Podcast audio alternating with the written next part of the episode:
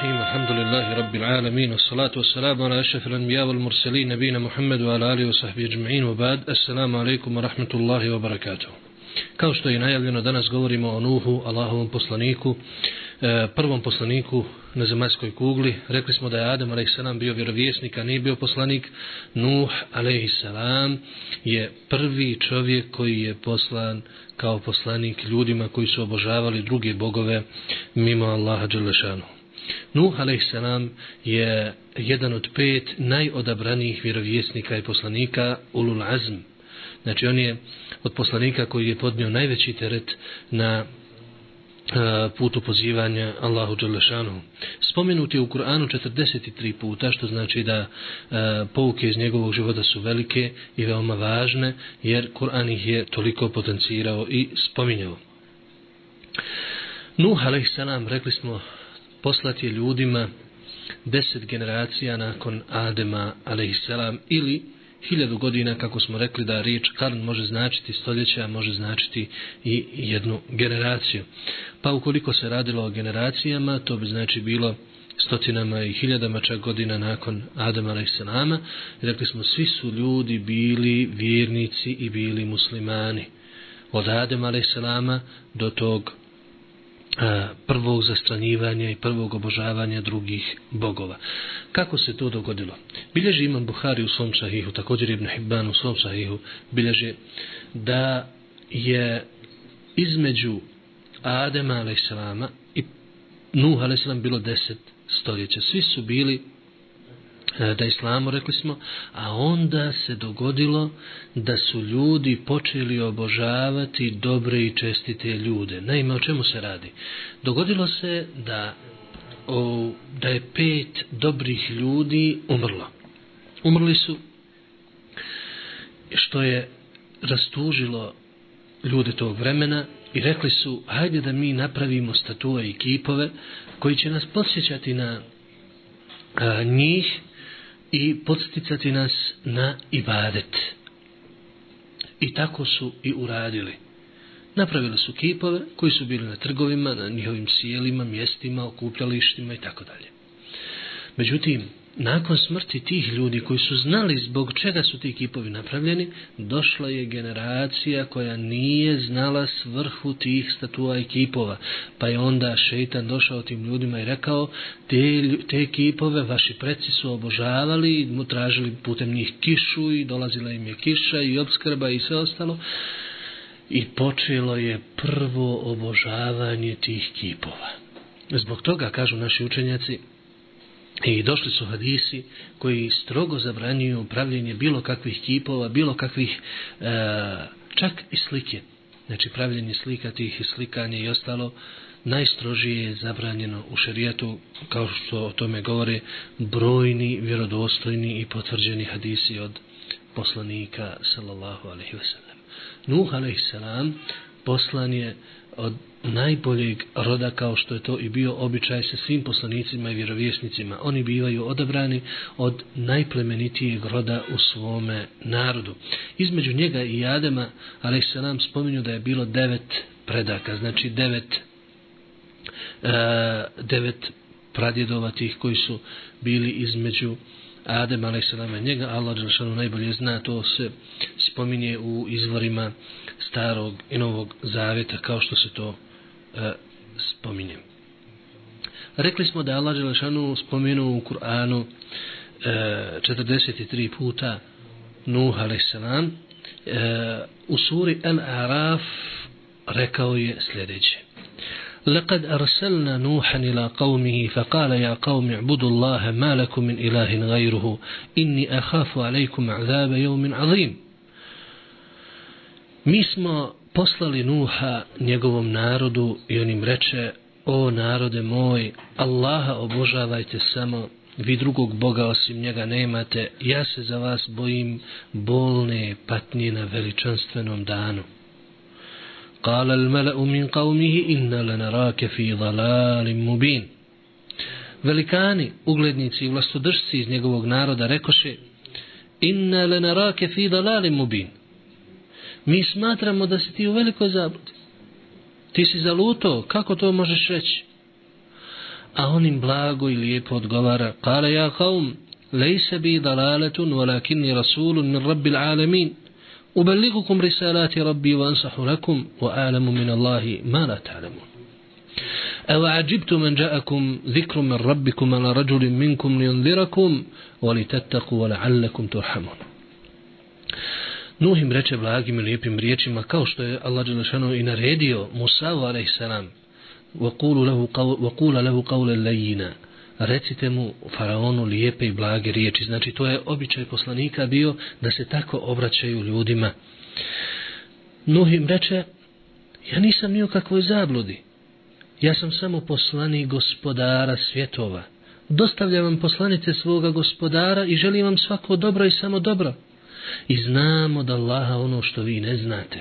Dolazi mi od Allaha objava. Dolazi mi znanje koje vi ne znate i naređeno mi je da ga prenesem. Zar vam je čudno da dođe čovjek od vas, poslat od gospodara vašeg, da bi vas opomenuo, da biste se kazne sačuvali i da bi vam se Allah smilovao. Ali, odgovor njegovog naroda bio je negativan.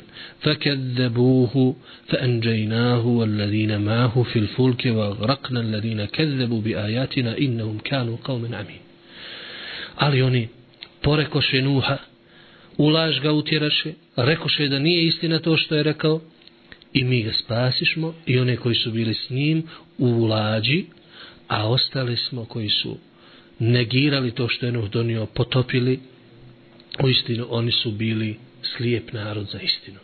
Nisu prihvatali i nisu mogli vidjeti istinu. Znači vidimo ovdje kako Nuh a.s. dolazi prvo i govori im da se klone obožavanje kipova. Bilo je u Nuhovom narodu e, i drugog zla bilo je i nepravdi, bilo je i drugih grijeha, jer e, nakon širka i nakon obožavanja drugih bogova dolaze i svi ostali grijesi. Međutim, Nuh a.s.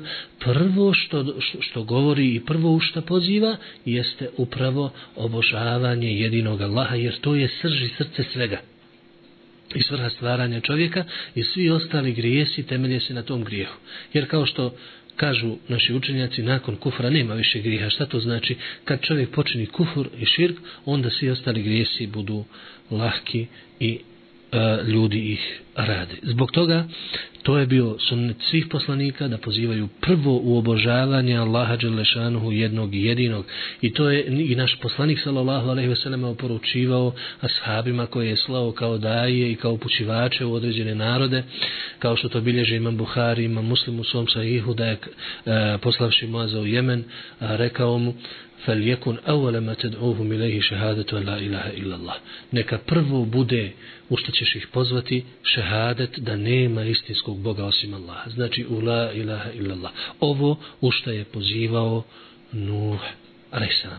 Dalje vidimo također iz Nuhovog poziva, a također iz poziva ostalih vjerovjesnika i poslanika, pa i našeg Muhammeda sallallahu alaihi wasallam, da se taj poziv sastoji iz dvije osnovne crte, dvije osnovne linije koje ga karakterišu. Prvo je da se negiraju druga božanstva koja su bili kipovi i ostalo, a da se prizna jedino, jedan jedini Allah Đelešanu i uzvišeni. Ubudu Allahe ma lekum min ilahin gajru. Obožavajte Allah jer vi drugog Boga osim njega nemate. Zato je stoji la ilaha illallah. Nema istinskog Boga osim Allah. Znači to je ono što je glavna i osnovna karakteristika i crta. Dalje, vidimo iz, ovog, iz ovih ajeta ovdje u ovoj suri e, da onaj ko je negativno odgovorio na Nuhov poziv bili su velikani, uglednici, bogati, oni koji su držali vlast u svojim rukama. Dok običan svijet kao je prihvatio Nuha a.s. Oni koji su ga prihvatili bili su znači od takozvanog običnog svijeta, znači ljudi koji nisu bili skompleksirani nikakvom željom za vlašću, bogatstvom, ugledom i sl.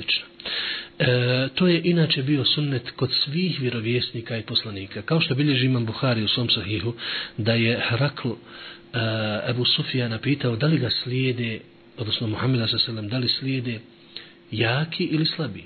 Znači da li ga slijede ugledni vlastodržci i bogataši ili ga slijedi običan svijet. Pa je rekao običan svijet. A onda Herakl na kraju kaže, pitao sam te da li ga slijede e, moćni ili obični ljudi, rekao se da ga slijede obični ljudi, a to oni su slijed, sljedbenici vjerovjesnika i poslanika. U suri Yunus, Allah Đelšanu je također spomenuo Nuha i rekao je وَتْلُ عَلَيْهِمْ نَبَأَ نُوحَ إذ قال لقومه يا قوم إن كان كبر عليكم مقامي وتذكيري بآيات الله فعلى الله توكلت فأجمع أمركم وشركاءكم ثم لا يكن أمركم عليكم غمة ثم اقضوا إلي ولا تنظرون. فإن توليتم فما سألتكم من أجر إن أجري إلا على الله وأمرت أن أكون من المسلمين. سوري يونس الله رشانه كاجه I ti im govori i kazuj vijesti o Nuhu. Kada on reče svom narodu, o narode moj, ako vam je težak moj boravak među vama i moje podsjećanje i govor Allahovim ajetima, pa ja se oslanjam na Allaha, a vi budite jedinstveni i pozovite sve vaše pomagače, Zatom, zatim nemoj da vam bude nejasno šta hoćete da uradite i uradite to javno. Zatim izvršite to što ste naumili i nemojte mi dati ni malo vremena. A ako se okrenete, ja od vas ne tražim nikakvu nagradu za, za, ovo, za ovo pozivanje. Moja nagrada je kod Allaha Đalešanuhu, a meni je naređeno da budem musliman. Tako im je rekao Nuh, alaihissalam. Kaže Ulema, ovo je bila Nuhova muđiza. Ovaj ajet i ovo što je Nuh, alaihissalam, rekao svom narodu jasno ih izazvao i uputio im izazov, to je Nuhova muđiza. U čemu se ogleda ova muđiza? Prvo, Nuh je osjetio, pošto je Nuh bio među njima 950 godina, pozivao ih, a vrlo malo ih je prihvatilo njegov poziv. Čak se kaže da su na samrti oporučivali svojoj, svoj, svojim, svojoj djeci i onima koji su bili uz njih, nemojte vjerovat Nuhu. Pa se spominje da su djeci čim bi počela razaznavati i saznavati i shvatati, govorili nemojte vjerovati Nuhu. I tako su sa koljena na koljeno prenosili tu oporuku. Nuh im reče, ako vam je više teško i ne možete više podnijeti moj boravak među vama, i to što ja Allahove ajete učim i podsjećam vas njima, Ja se oslanjam na Allaha Đalešanu. I zatim im kaže, budite jedinstveni. Znači, nemojte se razilaziti jedan da misli ovako, jedan onako. Nego se složite i budite jedinstveni u, u, u vezi sa, sa, sa tim šta ćete uraditi sa mnom. To prvo. Drugo, pozovite sve vaše pomagače. Pozovite vaša božanstva koja imate lažna. Pozovite od džina i ljudi, od, od bilo koga koga možete pozvati, neka vam pomogne i protiv mene.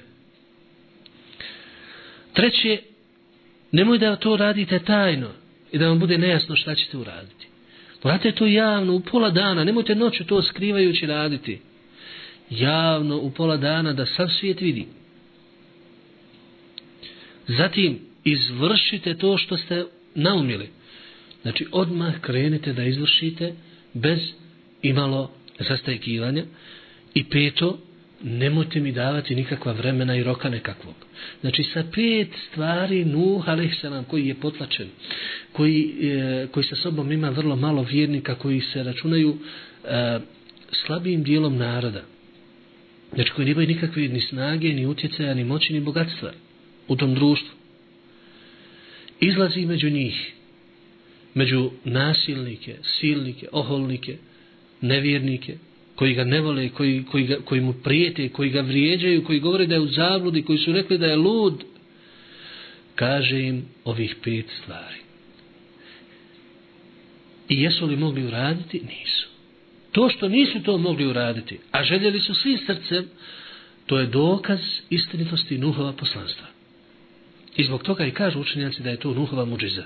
Što ih je izazvao javno, bez ikakve zaštite od Dunjalučke, jedino ga je Allah uzvišen i štitio i on, ga je, on je taj koji ga je zaštitio i to im je bio dovoljan dokaz da u istinu vide da je nešto drugo u pitanju, a ne da to Nuh poziva sam od sebe. Zatim im Nuh resa nam kaže, fin tavarlejtum, a ako vi odbijete moj poziv i okrenete se od mene, fema se eltukum min ajr, ja od vas ne tražim nikakvu naplatu za ovo što radim. Moja naplata i plata je kod Allaha Đelešanu. nagrada za ovo što radim i što pozivam i što donosim vam poslanice svoga gospodara i što vam želim svako dobro i, i, i što vam želim da izađete iz tmina, zabluda u svjetlo imana i islama. Zato ću dobiti nagradu kod Allah Đelšana, ne od vas.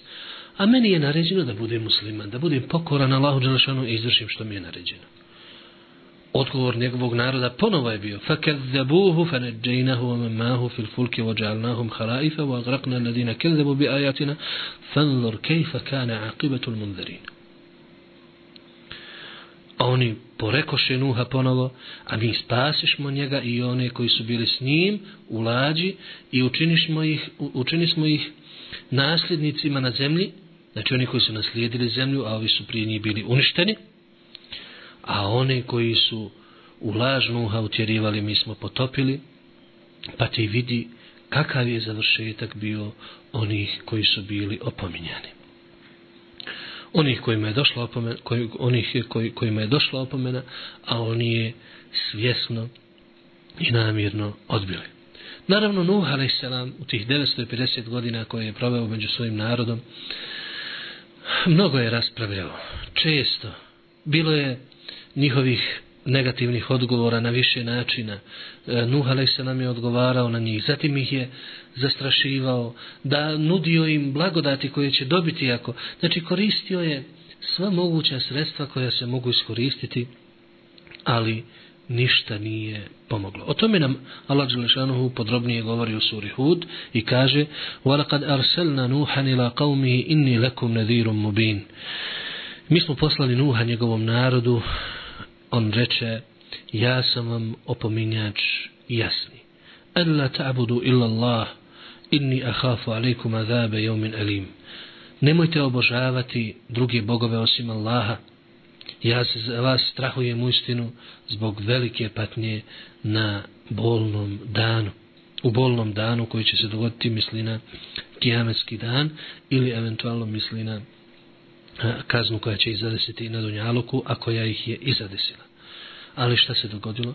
فقال الملأ الذين كفروا من قومه ما نراك إلا بشرا مثلنا وما نراك اتبعك إلا الذين هم أراذلنا بادي الرأي وما نرى لكم علينا من فضل بل نظنكم كاذبين Međutim, velikani njegovog naroda, vidite kako su ova riječ velikani, uglednici i bogataši ponavlja stalno i da su oni ti koji raspravljaju u ime naroda. Oni rekoše, e, ti nevjernici iz, iz, iz velikana iz njegovog naroda, mi smatramo da si ti čovjek kao i mi i da tebe slijede samo oni koji su otpad u našem društvu, kako oni to kažu. Znači onaj najniži sloj društva. I uzeli su to kao mjerilo ispravnosti i istine. Bez imalo razmišljanja. Znači oni sada kude te koji su prihvatili Nuhov poziv da nisu ni malo razmišljali o tome. Jer kako oni misle da su razmišljali ne bi prihvatili bili bi kao oni. A stvar je upravo obrnuta. Vidite kako oni se služe izvrstanjem činjenica. To što su oni primili e, primili e, Nuhov poziv odma to je njihova odlika a nikako manjkavost. Jer poslanik sallallahu alejhi ve sellem je pohvalio Abu Bekra riječima koga god sam pozivao u islam predomišljao se osim Ebu Bekra on je prihvatio odmah.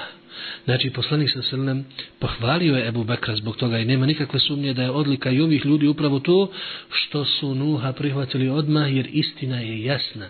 I na dušama tih običnih ljudi ili otpada u društvu kako su oni to nazvali ili ljudi koji su najniži sloj društva Nije na njihovim dušama i srcima bilo tih naslaga koje su sprečavale da vide istinu. Nije njihovom, njihovim srcima i na njihovim dušama bilo e, bila želja za vlašću, bogatstvom, ugledom i slično, pa da ne vide istinu. Nego oni koji su imali to zbog svih tih naslaga zla koje su imali na svojim srcima i dušama, spriječeni su bili da vide istinu, kao što Lašanu kaže, kanu kaumen amin, bili su slijepi za istinu. وما نرى min fadl. من ne donu نظنكم kazibin. Dalje, sljedeći razlog zašto oni smatraju da ne trebaju prihvatiti novu poziv, kažu mi smatramo da vi niste ništa vredniji od nas. Eto, to što ste primili islam, ništa vam nije donijelo. Mi smo ti koji smo bogati, mi smo ti koji smo ugledni, mi smo ti koji držimo vlast. Vi ste primili islam, pa šta ste dobili s tim? Ostali na, ostali ste na istom položaju na kojem jeste. Opet su uzeli nekakva svoja mjerila, dunjalučka, dunjalučke omjere, i to kratkotrajne i, i, i o, kao mjerilo ispravnosti i istine. A upravo se desilo obrnuto. Oni su izgubili i vlast i ugled i sve i zapali su e, dunjalučke bolne kazne, a ahiretske još bolnije. Dok ovi koji su prihvatili Nuha, naslijedili su i zemlju i vlast i ugled i ostali su spomenuti za uvijek u Allahovoj knjizi, a i u drugim objavama nakon njih. Bel ne dhunukom kade, mislimo da vi samo lažete. Šta im Nuh odgovara na to? Kale ja kaum, araitu in kuntu ala bejinati min rabbi, wa atani rahmeten min indihi, fa ummijet alejkum, an ulzimukumuha wa antum laha karihun? ويا قوم لا أسألكم عليه مالا إن أجري إلا على الله وما أنا بطارد الذين آمنوا إنهم ملاق ربهم ولكني أراكم قوما تجهلون. ويا قوم من ينصرني من الله إن طردتهم أفلا تذكرون؟ ولا أقول لكم عندي خزائن الله ولا أعلم الغيب ولا أقول إني ملك ولا أقول للذين تزدري أعينهم أعينكم لن يؤتيهم الله خيرا؟ Allahu a'lamu bima fi anfusim innahum inni idhan lamina zalimin. Onda im Nuh odgovara na to što su rekli. I kaže im, o narode, šta mislite ako je meni moj gospodar dao znanje i istinu i milost od sebe, to jest poslanstvo? A vi to ne vidite, ne možete prepoznati, zar da vas natjeramo da to silom prihvatite, a vi to ne želite, znači to ne dolazi u obzir. I onda im kaže, o narode, ja vas ne tražim nikakvu nadoknadu, nikakav imetak za ovo što radim. Moja, mo, moja nagrada je kod Allaha za ovo. A ja ne mogu otjerati i neću otjerati one koji vjeruju, jer oni će sresti svoga gospodara, Međutim, vi ste oni koji ne znate. Kao da su oni njemu rekli da otjeraj svoje blizine vjernike koji su oni smatrali iz nižih slojeva društva i kao nedoliko je njima koji su velikani i uglednici i bogataši da sjede s njima u društvu i da slušaju nuha. Nego otjerajte njih, udalji ih od sebe i onda ćemo mi doći da slušamo To su isto radili mušici u Mekki. I mušici u Mekki su rekli Muhammedu sallallahu alaihi ve sellem udalji od sebe te robove i mi ćemo doći da vi čujemo pa ćemo vidjeti hoćemo li prihvatiti ili ne. I Allah mu naređuje Muhammedu sallallahu alaihi ve sellem i kaže wala tatrudil ladine amenu. Nemoj udaljavati od sebe one koji su povjerovali. Znači i ovdje Nuh alaihi sallam kaže njima Voma ana bi taridil ladina amenu ja neću otjerati od sebe i udaljiti one koji su povjerovali jer oni će sresti svoga gospodara ali vi ste ti koji ste neznalice. Tražite samo opravdanja. A u stvari vi ne želite vjerovati. Ne želite prihvatiti nego samo tražite opravdanja i postavljate nove uslove da ne biste vjerovali. Zatim im Nuh kaže, o narode moj, ko će mi pomoći e, kod Allaha ako ih ja udaljim od sebe? Zar vi u istinu ne shvatate i pouku ne primate? Zatim im kaže, ja vama ne govorim da ja posjedujem riznice Allahove, niti da ja znam gajb. Znači Nuh a.s. im ovdje govori, kao da su od njega tražili nekakva čuda, nešto da pokaže kao što su tražili od Muhammeda sallallahu alaihi ve sellem i onda im on govara da on ne posjede Allahove riznice. Sve što je na nebesima i na zemlji je isključivo Allahovo i ničije više. Poslanici su samo ljudi kojima Allah dao svoju milost, to jest poslanstvo, i zadužio ih određenim obavezama i nagradit će ih za to na ahiretu. A sve što je na nebesima i na zemlji je Allahovo vlasništvo. I on upravlja tim kako hoće. Niti poznajem gajb, kaže njima Nuh. Ja ne poznajem šta će biti sutra. I ne znam šta će se desiti sutra. Znači, samo ono što Allah šanom objavi, to i zna. Vola akulu inni melek. I ja vam ne kažem da sam ja melek. Znači, ja sam samo čovjek. I to je bilo svojstvo svih poslanika. Kao da su tražili od Nuha da pošalje meleka, to se spominje u drugim ajetima. Kako to da bude čovjek? Ti si samo čovjek kao i mi. Kako to da ti budeš poslanik? Što nije došao melek? Allah Đelšanu je na tu šubhu, na tu sumnju odgovorio rekavši da melek i kada bi došao morao bi doći u obliku čovjeka da se s, njim, s, njim, s njima sporazumi a to bi opet njima predstavljalo smetnju jer opet bi bio samo čovjek na kraju morali bi mu vjerovati na riječ da je melek Farala besna alehima jel bisun kada i opet bi im bilo nejasno ono što im je već nejasno Znači o mudrostima zašto su dolazili ljudi kao poslanici, govorili smo u prvoj ovoj emisiji, a dotaći ćemo se toga i kasnije. Vola akulu li ladine tezderi a junukum le jutjehum Allah hajran. I ja neću reći onima koje vi prezirete i koje ne može, s kojim ne možete da sjedite, da im Allah neće dati nikakvog dobra. Allah najbolje zna šta oni u svojim dušama nose. Ja bi tada bio nasilnik. Učinio bi nasilje i nepravedno bi se ponio prema tim ljudima koji su me prihvatili e, čim sam donio poziv i objavio to čemu pozivam i vas. Kad su oni već osjetili da je to već dugo trajalo, rekli smo da je to bilo stotinama godina, kalu janu, kad džadeltena, fa ekferte džidalena, fa bima bimate iduna in kunta mine sadiqin. Oni onda rekoše Nuhu onako malo oholo i bahato, o Nuhu, ti s nama raspravljaš i to je već pre prešlo svaku mjeru. Ako si iskren i ako istinu govoriš, neka se obisteni to čime nam prijetiš i gotovo. Znači ti prijetiš da će nam zavisiti bolna kazna, da će ovo, ako si iskren, neka tako i bude i nemoj više raspravljati. A Nuh im odgovara, innama yatikum bihi Allahu insha wa ma antum bimu'jizin to će vam Allah dati i poslati na vas tu kaznu ako bude htio a vi joj nećete moći umaći. Nećete se moći spasiti ako dođe. ولا ينفعكم نصحي إن أردت أن أنصح لكم إن كان الله يريد أن يغويكم هو ربكم وإليه ترجعون I neće vam nimalo pomoći moje savjetovanje i moja najbolja želja da, da, da, da dobijete svako dobro. Ako Allah Đelešanu želi da u zabludi ostanete, on, vaš, on je vaš gospodar i njemu ćete biti vraćeni. Znači,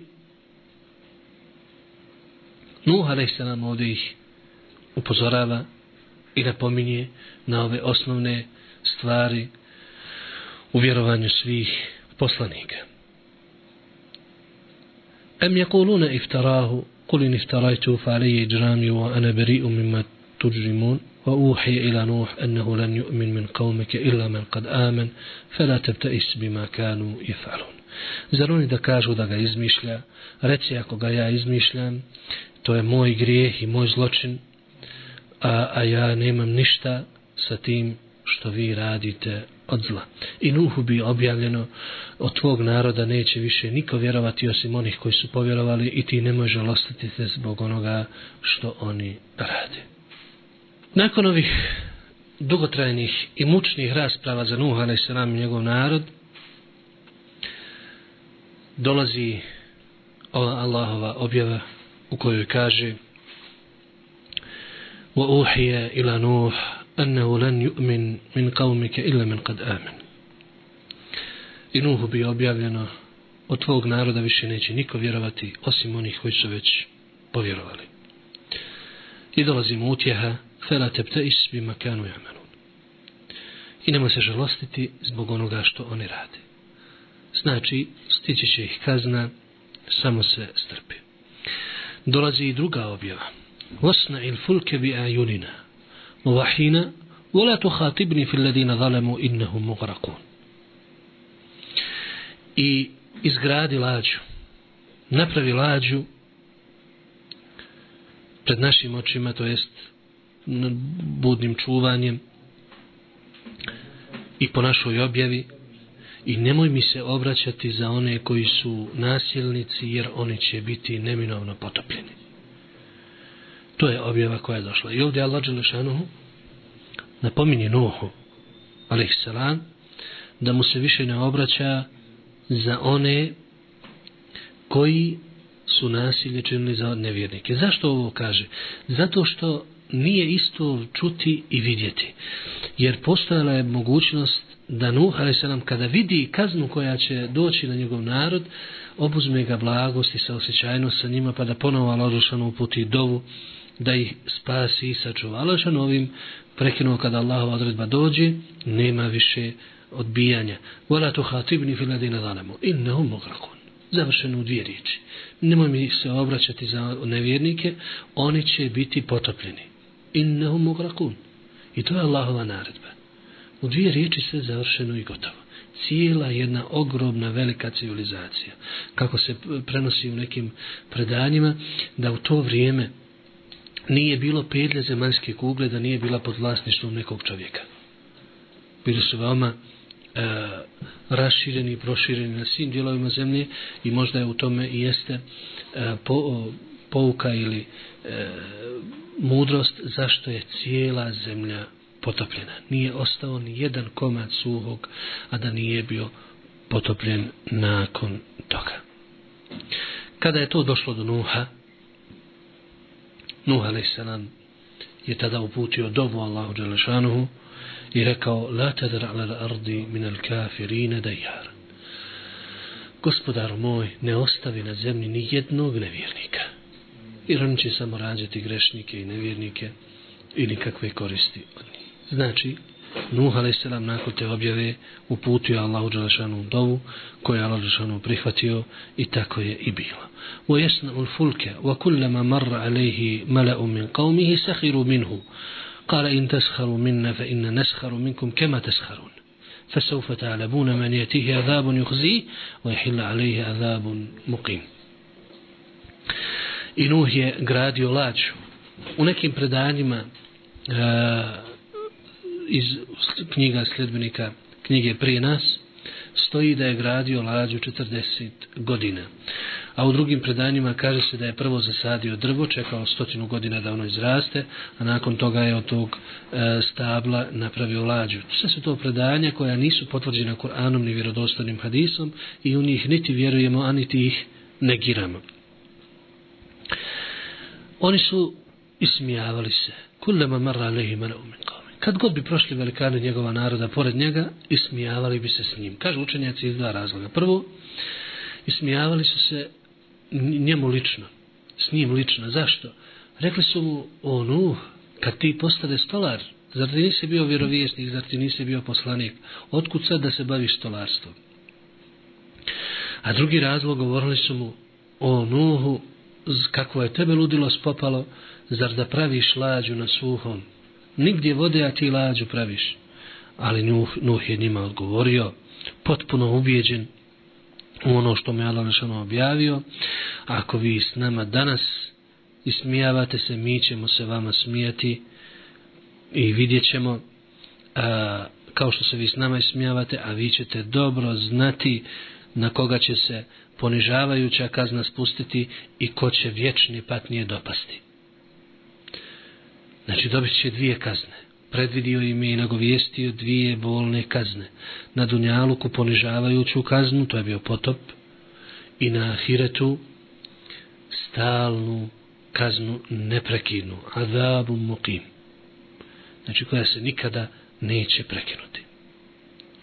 Hatta idha jaa amruna wa farat tanur, قل نحمل فيها من كل الزوجين اثنين وأهلك إلا من سبق عليه القول ومن آمن وما آمن معه إلا قليل I kada je došla naša naredba, kaže Alšanuhu, i kada je voda iz peći izlazila, kaže učenjaci kao da je to bio znak, dogovor, da kada voda dostigne toliki nivo da iz peći pođe izlaziti iz mjesta vatri, rekli smo, ukrcaj u lađu od svih životinja, svih živih bića po par, svoju porodicu osim onih koji su ostali nevjernici i vjernike. A vjernika s njim bilo je veoma, veoma malo. Tako Allah što opisuje stanje. Tada, nakon svih tih dugih godina, stotine godina su prošli u raspravi, u pozivu, u obećavanju, u zastrašivanju, ali ništa nije pomoglo. Vama amene mahu illa qalil. A vrlo malo je bilo onih koji su mu povjerovali. U e, izvorima sljedbenika knjige spominje se cifra od 80 ljudi, 82, 83 čovjeka, što muškaraca, što žena. Znači to je za toliki jedan period vrlo, vrlo malo. وقال اركبوا فيها بسم الله مجريها ومرساها إن ربي لغفور رحيم Nuh im reče, ukrcajte se s Allahovim imenom, neka plovi i neka pristane i u istinu moj gospodar mnogo prašta i veoma je samilostan. وهي تجري بهم في موج كالجبال i ta lađa je plovila na valovima poput brda. Znači to su bili toliki valovi da su bili kao brda. To je nesvatljivo, nepojmljivo za čovjeka. Možete vidjeti jednu planinu veliku, val, ogroman i prekrila je najveći brdo na zemlji. Spominje se negdje cifra u izvorima sredbenika knjige 30-60 podlaktica iznad najvećeg brda i planine na zemlji. Ogromni su to valovi bili i samo je Allahova zaštita i pomoć omogućila toj lađi da plovi nepotopljena. To je također jedna nuhova muđiza. Da jedna lađa datel vahva dusur, kao što zašao kaže, od e, eksera i daski, znači tu to je nešto slabašno za te ogromne valove i tu ogromnu vodu, ali ona plovila neoštećena, nepotopljena. Zašto? Zato što je Allah Đelešanu učuvao i zato što je Đelešanu tako htio i ni zbog čega drugog. Ohi je teži bihim fi mauđ kel džibar. Valovi su bili poput, poput velikih, ogromnih brda i planina. Naime, šta se dogodilo? Allah Đelešanu je nakon toga naredio nebesima da spuste kišu. I kiša je lila, mi to kažemo kao iz kabla, ali je oglo, ogromna, nezamisliva kiša bila.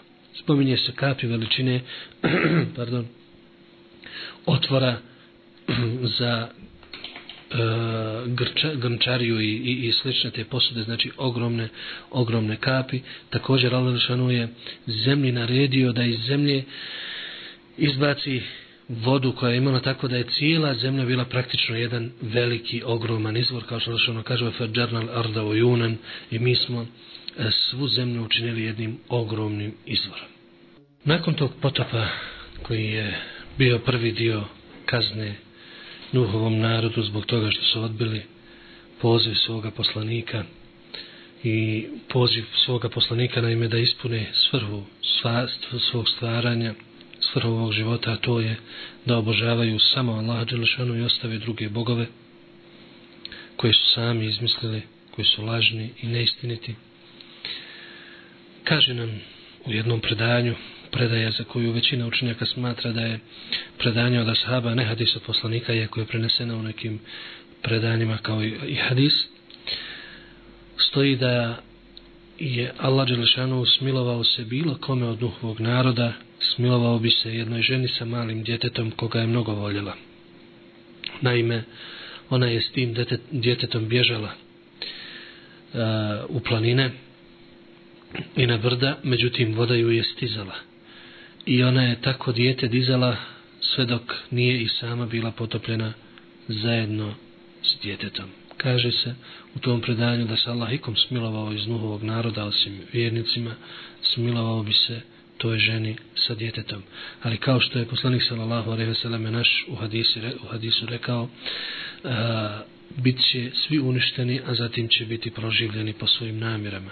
Znači oni koji su bili nedužni, poput djece ili onih koji nisu imali razuma i tako dalje, oni će na kijametskom danu biti proživljeni, ne u kazni, nego e, drugačije. Ali kazna kada dolazi, dolazi svima. Zbog toga i poslanik se nam i upozorava i naređuje da se širi dobro, a da se zlo uklanja koliko je čovjek u stanju i mogućnosti. U tim trenucima kada je voda e, za, zaljevala sve, desio se jedan događaj o kojem je Allah Đelešanu govorio u suri Hud. Naime, Nuh a.s. je vidio svoga sina. A Nuh je imao četiri sina i jednog čir, kako se spominje u historijskim izvorima. Njegovi sinovi bili su Ham, Sam, Jafet i Jam. Uh, Ham, Sam i Jafet bili su sa Nuhom na lađi i bili su vjernici. Međutim, Jam, koji se također naziva i Kenan, nije prihvatio očev poziv i ostao je s majkom u mušičkoj vjeri i on i Nuhova žena bili su potopljeni. Također se spominje i čerka Nuhova Abir, za koju ne spominje se u izvorima precizno šta se s njom desilo. Neki kažu da je potopljena, neki da je bila na lađi, Allah najbolje zna. U svakom slučaju sin Jam, Juh, Nuhov, e, Nuh ga je ugledao sa lađe dok je voda zaljevala sve što je bilo na zemlji Kaže Allah što u tome وَنَادَا نُوحٌ ابْنَهُ وَكَانَ فِي مَعْزِلْ يَا بُنَيَّرْ كَمَّانَ وَلَا تَكُنْ مَا الْكَافِرِينَ I Nuh pozva svog sina, ugleda ga i, i rečem koji je bio na drugoj strani, sinko, ukrcaj se s nama, nemoj ostajati sa nevjernicima. Pardon. Nemoj ostajati sa nevjernicima. A njegov sin mu odgovara, se avi ila džebel jasimuni min elma. Ja ću se popeti na brdo i tako se spasiti od vode. Ali Nuh, znajući šta će se dogoditi, reče, La asima al jevme min emri Allahi illa man rahim, wa hale bejnehum el mauč, fa kane min el mugraqin. Nuh mu reče, nema danas se niko neće spasiti osim onih kojima se Allah smilovao, to jest koji su bili na lađi i između njih se ispriječi val i njegov sin bi potopljen. To se dogodilo. Trenuci. On je ugledao sina, obuzela ga je očinska, očinska ljubav i rekao mu je ne ostaj s nevjernicima, dođi, popni se, ukrcaj se s nama. Ali nažalost, Allah šta odredi, to tako i bude. Njegov sin nije prepoznao istinu. Kada je pozivao sve te godine, također Allah mu, Allah mu nije dao da prepozna put spasa u tim kritičnim trenucima i momentima i on bi potopljen. Trenuci, razmjena rečenica, ukrcaj se s nama. On kaže, ja ću se popeti na brdo, tako će se spasti od vode. Nuh mu reče, nema niko, nema spasioca danas, osim onih koje Allah spasio i smilovao im se i, i na lađu. I val se ispriječi među njih i potopi njegovog sina. To je bilo što se tiče tog događaja.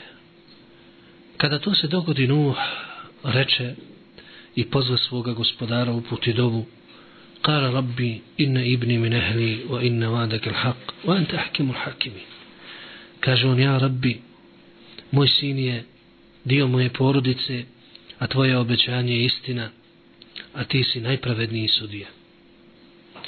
A onda mu Allah odgovara, kale ja Nuh, innehu lejse min ehlik, innehu amelun gajru salih, فلا تسألني ما ليس لك به علم إني أعظك أن تكون من الجاهلين Allah mu reče i odgovara, o Nuh, on nije iz tvoje porodice. Znači nije više dio kad te napustio, okrenuo, gotovo, nema, nema više tu pomoći. To nije dobro djelo što radiš. Kada ti je rečeno gore, vola tu hatibni filadine zalemu, ne obraćaj mi se za nasilnike, to jest nevjernike. Ferates elima li se leke bihir. I nemoj me, nemoj od mene tražiti ono što ne znaš. Ja te savjetujem da neznalica ne budeš. I Nuh reče, Rabbi, inni a'udu bike enes es'elake ma lejse, leke bihi, lejse bi, bihi, eh, li bihi ilm, wa illa tagfir li wa tarhamni akum min al khasirin. Ja Rabbi, ja se tebi utječem da tražim od tebe ono što ne znam i ako mi ti ne oprostiš i ne smiluješ mi se, ne smiluješ mi se ja ću biti od onih koji su propali. Šta se dogodilo sa Nuhovim sinom? pouke iz ovog događaja, šta se dogodilo nakon potopa, kako je Nuh, a.s. a, nakon potopa nastavio živjeti, šta se događalo sa ljudskim rodom, uz Allahovu pomoć, govorit ćemo, ako Bog da, idući put, u idućem nastavku, molimo Allah da nas učini od onih koji slušaju ono što je najljepše i slijede ono što je najbolje. A kulu kao li hada vas takfir Allah, sallallahu alaihi wa sallam.